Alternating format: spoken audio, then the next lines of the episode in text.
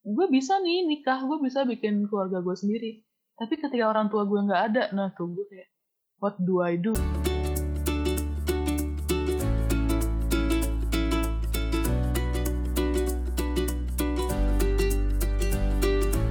Halo lagi semuanya, kembali lagi di Krikil seperempat abad bareng gua dan Cipo.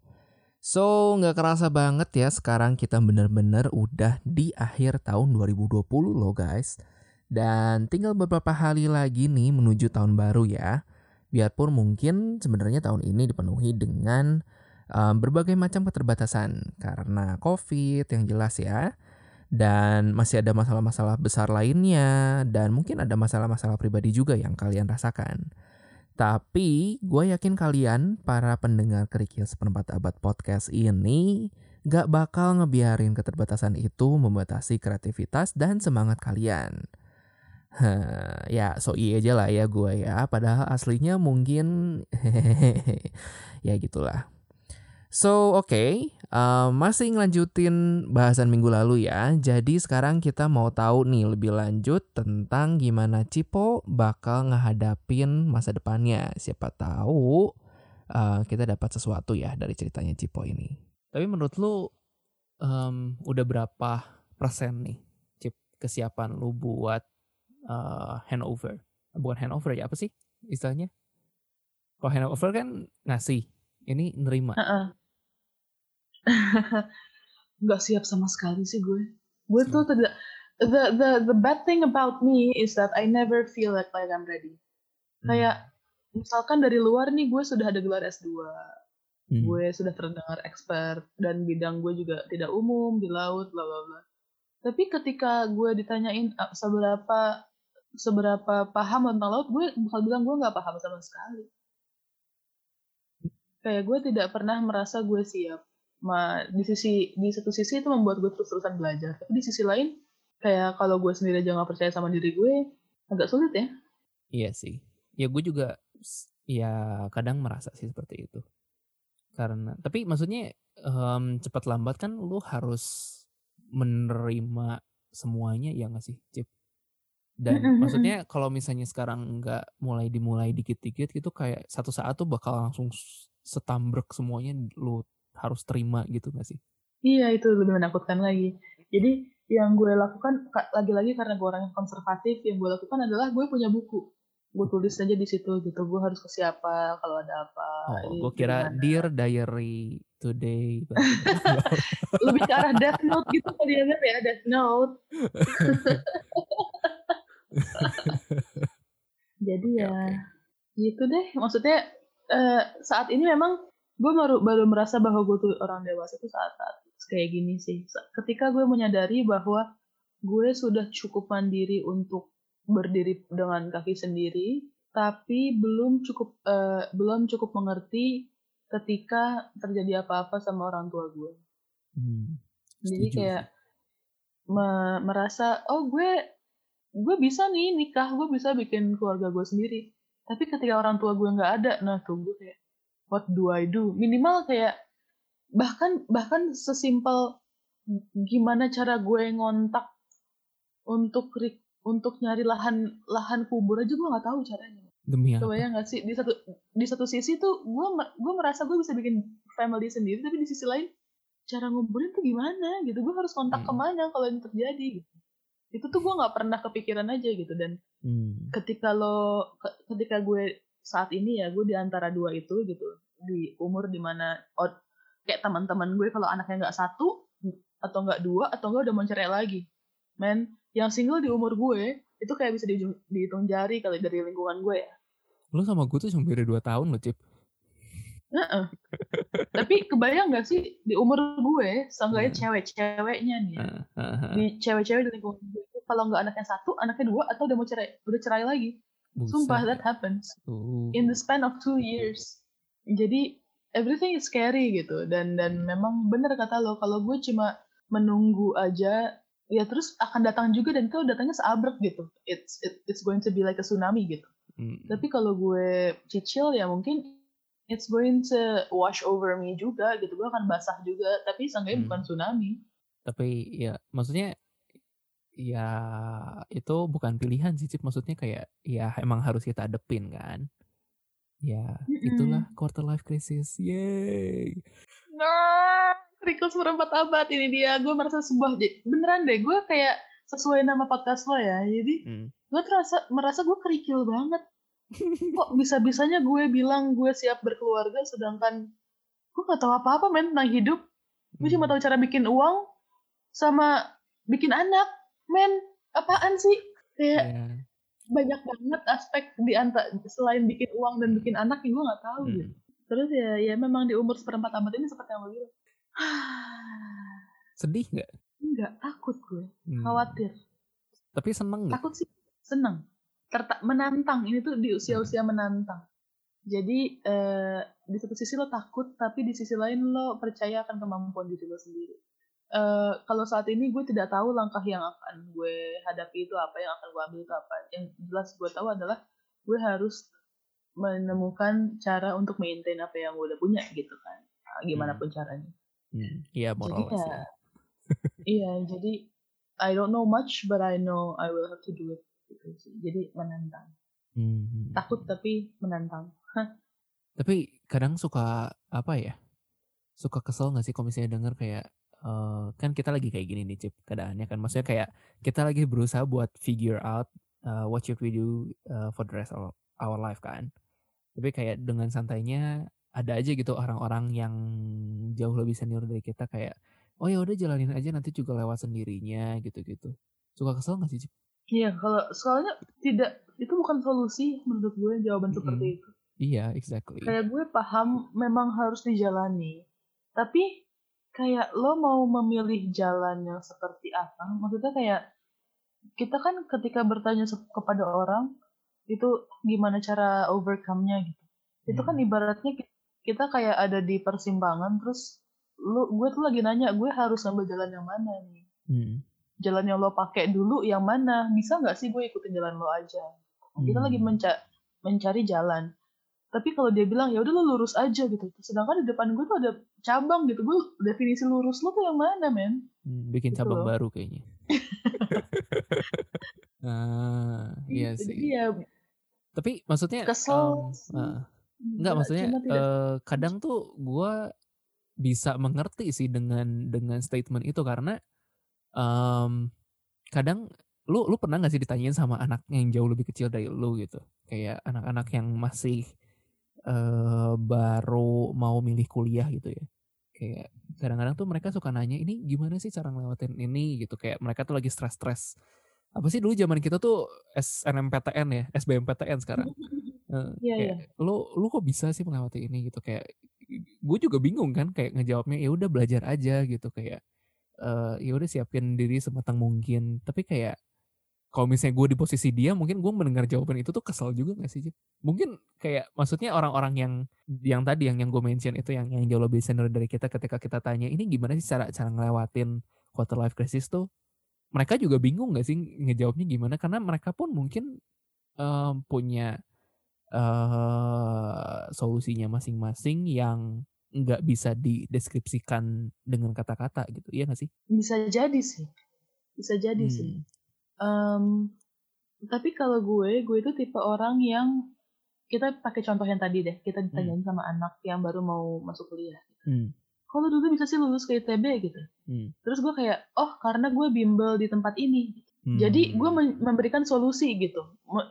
Minimal gue memberikan merek atau tempat yang dia bisa datengin ketika dia merasa itu perlu gitu. Hmm. Sesimpel gitu aja sih. Jadi yang makanya karena gue orang seperti itu, gue sebenarnya berharap orang lain tuh begitu juga sama gue. Tapi kan that's not how life works ya.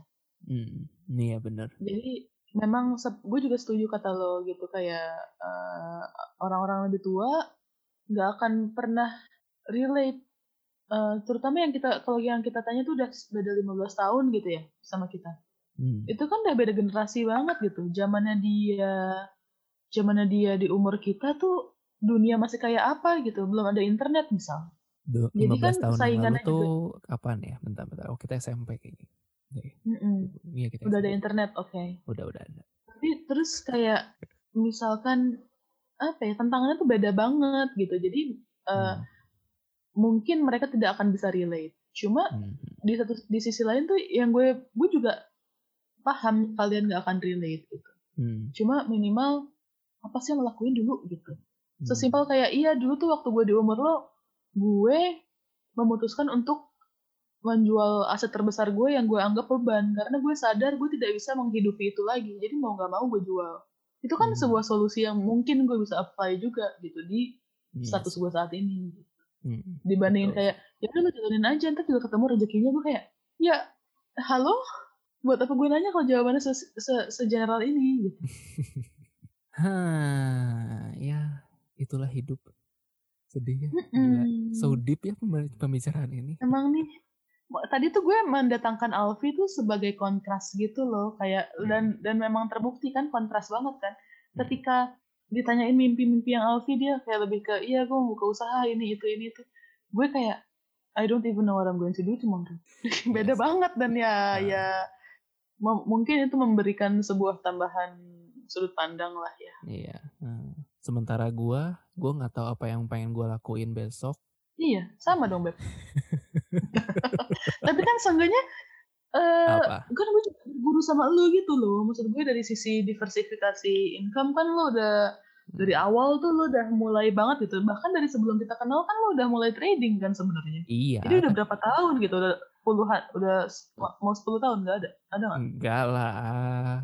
Gue mulai trading dari kuliah kok. oke berarti minimal 8 tahun tuh Eh, enggak, akhir-akhir kuliah. Jadi ya lima tahun, empat tahun lima tahunan lah.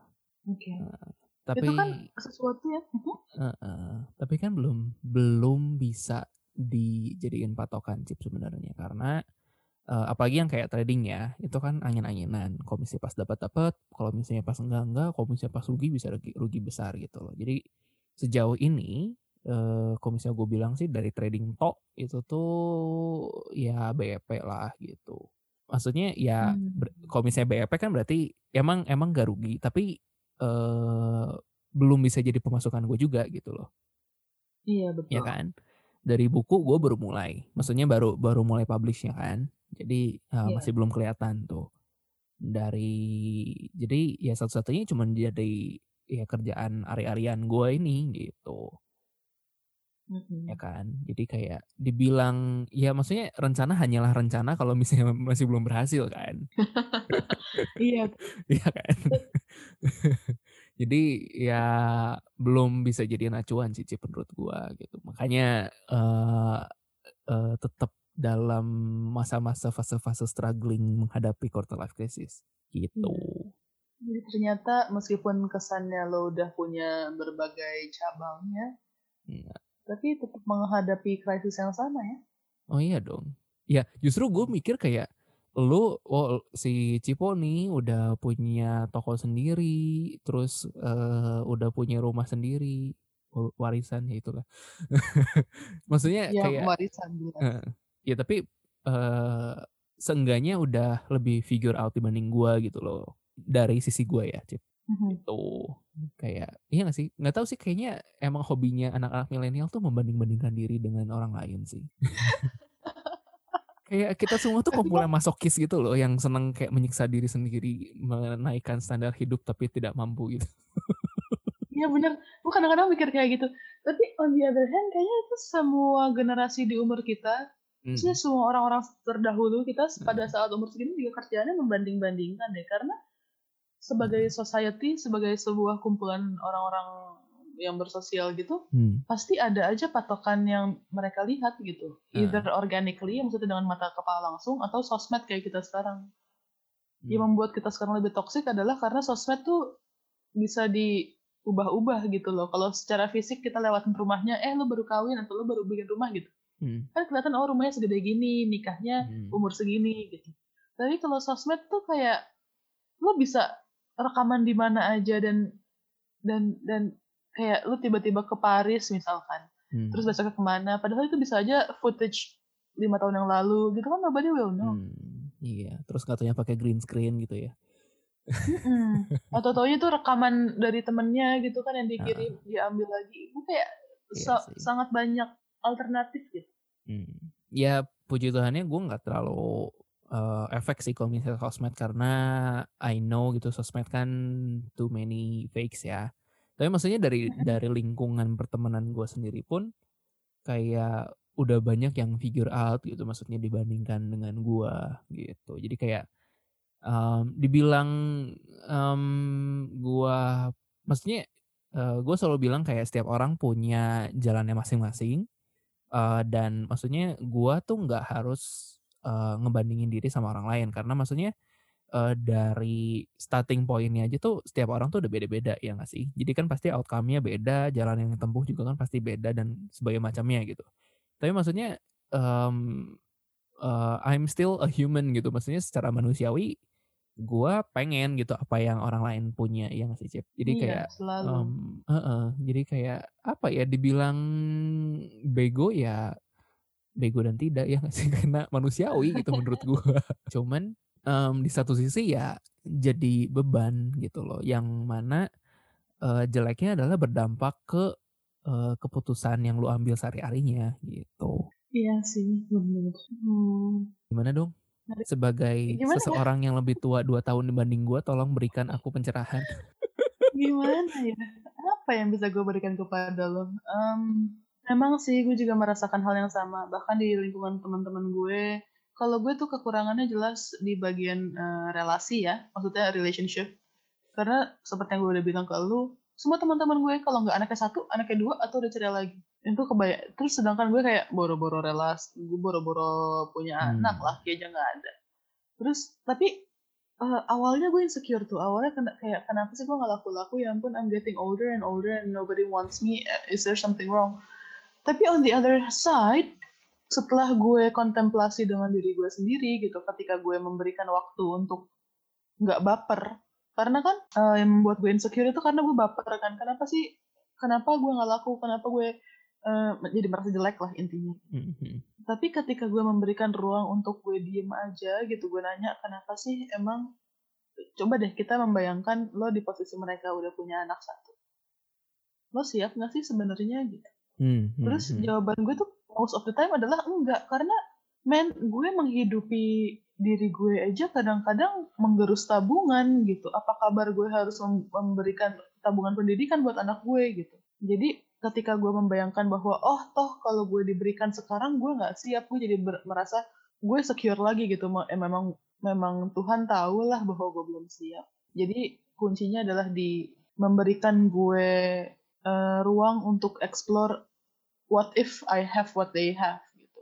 Kan pas dong sama lo yang suka berhayal. Lo berhayal aja what if you have what I have.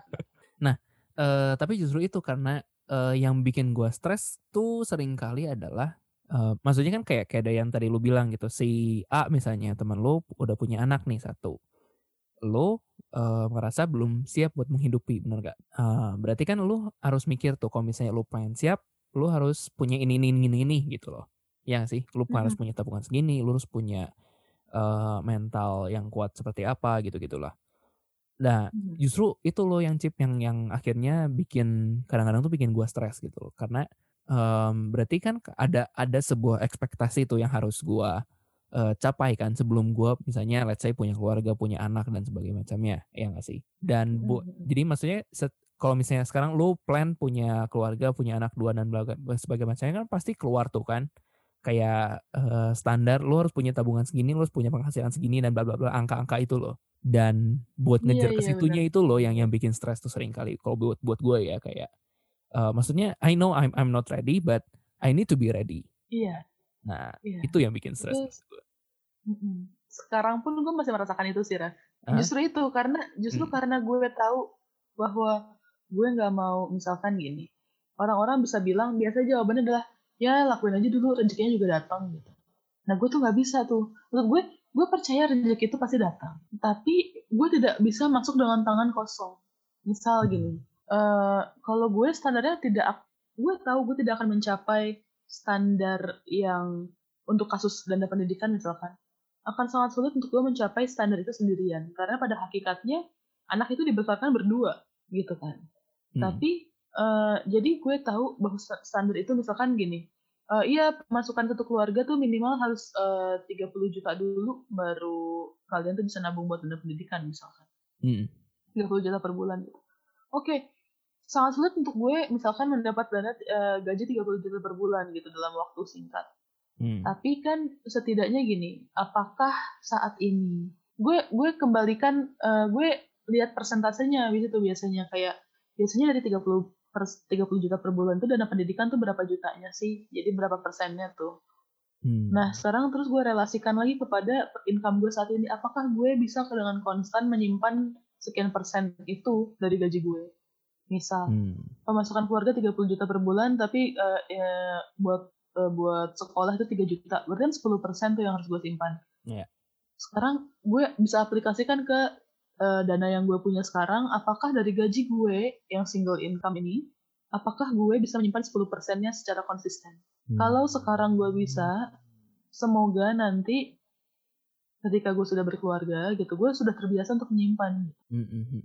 That's... Ini kalau konteks dana pendidikan ya. Iya, make sense sih sebenarnya. Mm-mm, jadi bukan kayak oh my god gue harus punya 30 juta per bulan dulu gimana caranya gue kayak ya mm-hmm. stres sih kalau gue mikirnya kayak gitu. Iya, iya. Cuma kan ada minimal kita bisa apply persentasenya aja lah gitu. Iya, Gak usah ngikutin iya. nominalnya. Iya iya setuju setuju. Wow, itu sebuah pencerahan sih actually. Jadi kayak intinya kan oh, iya. uh, kita bikin kayak habit dulu ya nggak sih? Iya. Ah. Benar. Wow. Habitnya dulu aja. Ada gitu. faedahnya. Gitu. Obrolan ini. Jadi lo tidak yakin ada faedahnya ngobrol sama gue tadi di awal? Hmm. uh, kan biasanya kalau ngobrol sama gue kan nggak pernah ada faedahnya ya orang-orang. Ya bukan cuma sama lu doang, Cip. Siapa pun yang ngobrol sama gue jarang ada faedahnya. Betul, betul. itu se sepengalaman kita di Sydney memang itu sih yang terjadi. Oh iya. BTW lu ini dong kontak Hendra, please. Kenapa? Gue penasaran Bang Hendra jawabnya kayak apa, mau nggak lo? Nanti Request ya. nih awak nih. Nanti ya. Kayaknya nanti satu saat uh, eh, gue bakal ada episode khusus buat yang kayak isinya gue, lu, Bang Felix dan Bang Hendra. Itu wow, pecah gue diem sih. Pecah tapi gue diem gue kayak termenung. Gue cuma bakal bilang aku suka keributan gitu dong.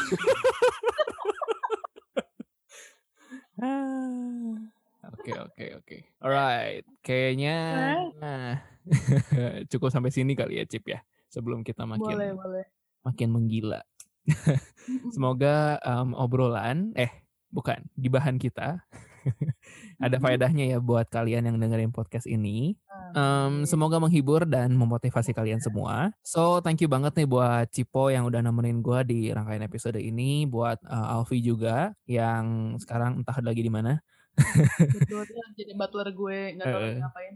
Iya, nggak apa-apa lah Cip, nggak usah dipanggil nggak apa-apa. Uh, nanti uh, sampaikan terima kasihku kepadanya. Um, ya, jadi buat para pendengar yang mau tahu soal Cipo lebih dekat lagi, uh, bisa nyari lo ke mana Cip? Oh, Oke, okay. gue punya Instagram itu Dita D I T A titik C I P O. Oke. Okay. Itu sih, itu uh -uh. handle sosmed gue.